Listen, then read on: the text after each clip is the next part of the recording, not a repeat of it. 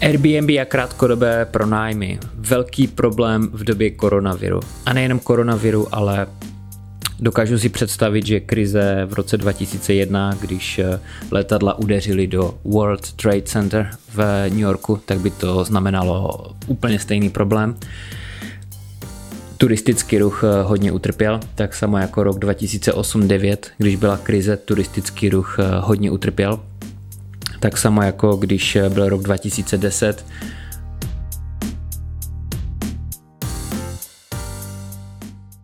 na Islandu uh, zrovna uh, začala být aktivní sopka, tak, tak samo letecký průmysl nebo vůbec letectví celkově prostě nemohli lítat. To znamená, že turistický ruch upadl na kolena já si to pamatuju dobře, protože v té době jsem eh, potřeboval se přemístit z Británie do České republiky na svoji svatbu a moje manželka ze Švédska ze služební cesty taky domů do České republiky a tak jsme museli vymýšlet alternativní uh, možnosti dopravy.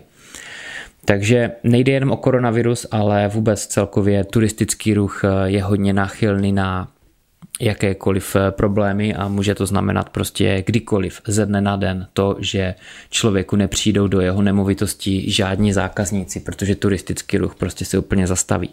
Jak moc se tedy vyplatí být největší hotelový řetězec a nevlastnit jediný hotel? Můžete jít na nulu. Takhle se to vyplatí. Eh, jak moc se vyplatí být největší taxiková služba a nevlastnit eh, síť taxíku?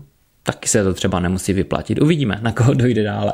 Všechny tyto internetové společnosti vypadají na první pohled eh, výborně, ale dneska se budeme bavit hlavně o Airbnb, jenomže když přijde uh, problém, jako teďka koronavirus, pandemie, zastavení turistického ruchu, tak je to problém.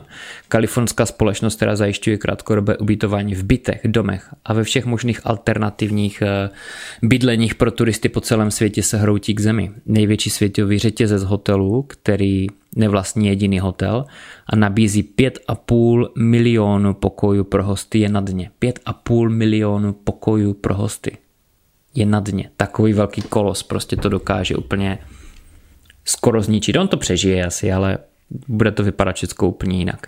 Díky snížení poptávky po ubytování je za březen, jen za březen vymazala společnost miliardu dolarů v objednávkách. A to díky pouze snížení zájmu o 25%, to se bavíme o březnu. Airbnb zaznamenala propad nových objednávek o 85% a ty objednané se ruší z 90%. Společnost měla jít tento rok na burzu, měla být oceněna na 50 až 70 miliard dolarů. Místo toho má dnes hodnotu přibližně 30 miliard dolarů. Prahu navštívilo 8,5 milionu turistů v roce 2017. 8,5 milionu turistů 2017. V Praze úřady uh, využívají pandemii k tomu, aby dostali tamní trh pod kontrolu, aby Airbnb prostě skrotili, tak tomu, k tomu využívají pandemii, nechali to prostě zaběhnout hodně daleko. Nevýhodou je nic nevlastnit. Zde vidíme jednu zajímavost. Společnost, která je největší, co se ubytování týká a která toho moc nevlastní, může jít ke dnu díky jediné pandemii. A nejenom to, díky jediné sobce, která třeba bude chrlit eh, dva měsíce, tři měsíce, kdo ví. I to by se mohlo stát. Otřese se v základech snadno a nemusí se už nikdy z toho dostat. Jak moc velkou výhodu je startup, který ovládl prostředí krátkodobého ubytování a nevlastní vlastně žádný hotel. Firmy, které se soustředují na tento typ pronájmu, zejména v Praze, jsou na tom bídně. Založili si biznis na tom, že přes Airbnb a jí podobné, nejde jenom o Airbnb, může třeba přes Booking a dalších spoustu firm, které jsou méně známé.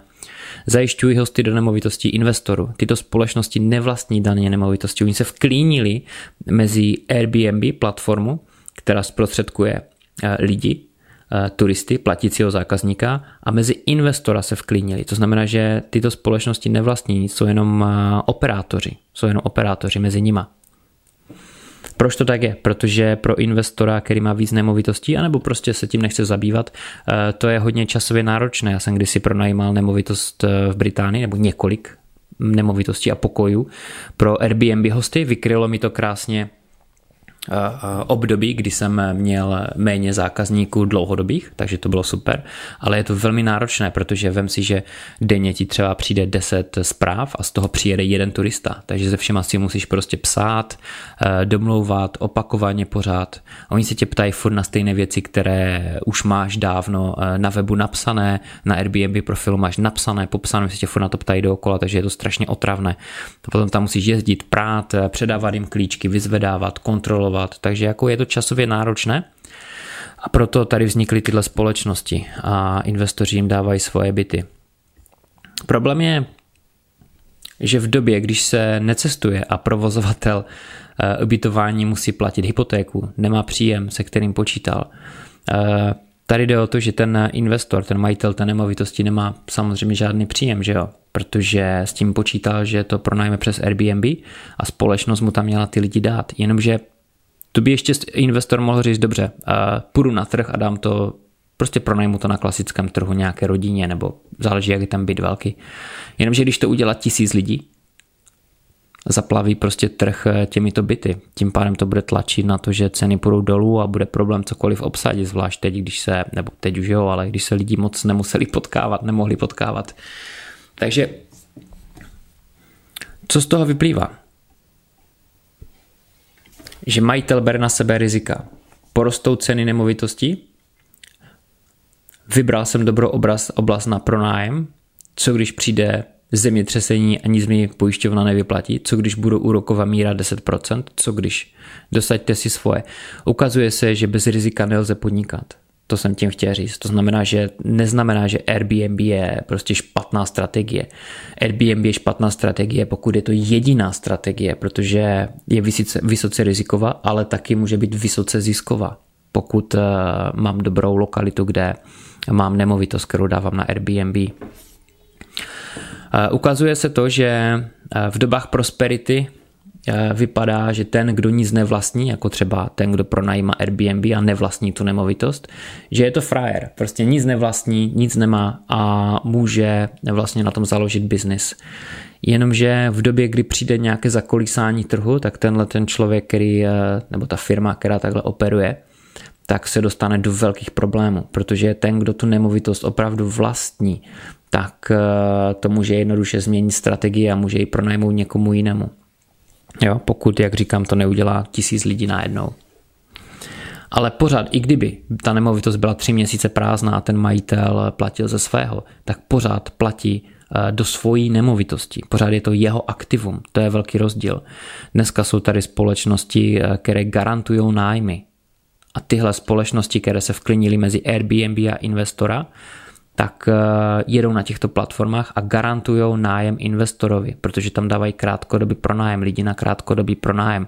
A oni se třeba upíšou na tři roky, na pět let, že si pronájmou byt. Ať se děje, co se děje, tak musí platit nájem. Takže to jsou společnosti, které prostě si myslím, že to neustojí. Znamená to, že tyhle společnosti jsou 100% špatné? Nejsou. Znamená to jenom to, že člověk eh, musí vědět, musí počítat s nějakým rizikem, do čeho jde a ví, co se mu může stát, když eh, takhle bude podnikat.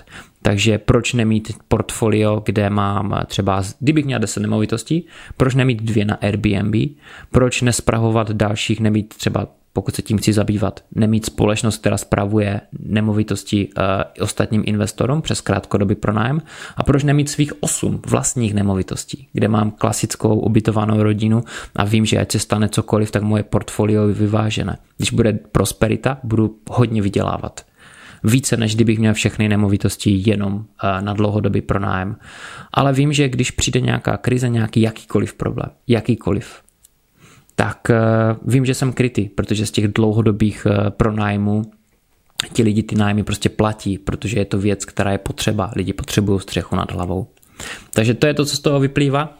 Neznamená to, že Airbnb je vysloveně špatné, to v žádném případě není, jenom se to musí trošku více regulovat, skrotit a myslet na to, že je to prostě rizikové podnikání. Eh, kdyby se podíval na web Bohatý díky realitám, najdeš tam e-book a když se ti bude líbit e-book Bohatý díky realitám, možná se ti bude líbit taky eh, mentoring klub, eh, kde je možné se zapsat a tam se bavíme o podobných věcech, někdy víc do hloubky, probíhají pravidelné webináře, telefonáty se mnou a podobně. Bohatý díky realita, mrkni na to, nebo tam aspoň vlož svůj e-mail. Budu se těšit na případnou spolupráci. Tak jo, díky eh, za sledování tohoto eh, podcastu a přeju všem hodně štěstí v eh, investování. Buďte bohatí díky realitám, buďte bohatí, buďte reální, mějte nějaké reality. Ahoj.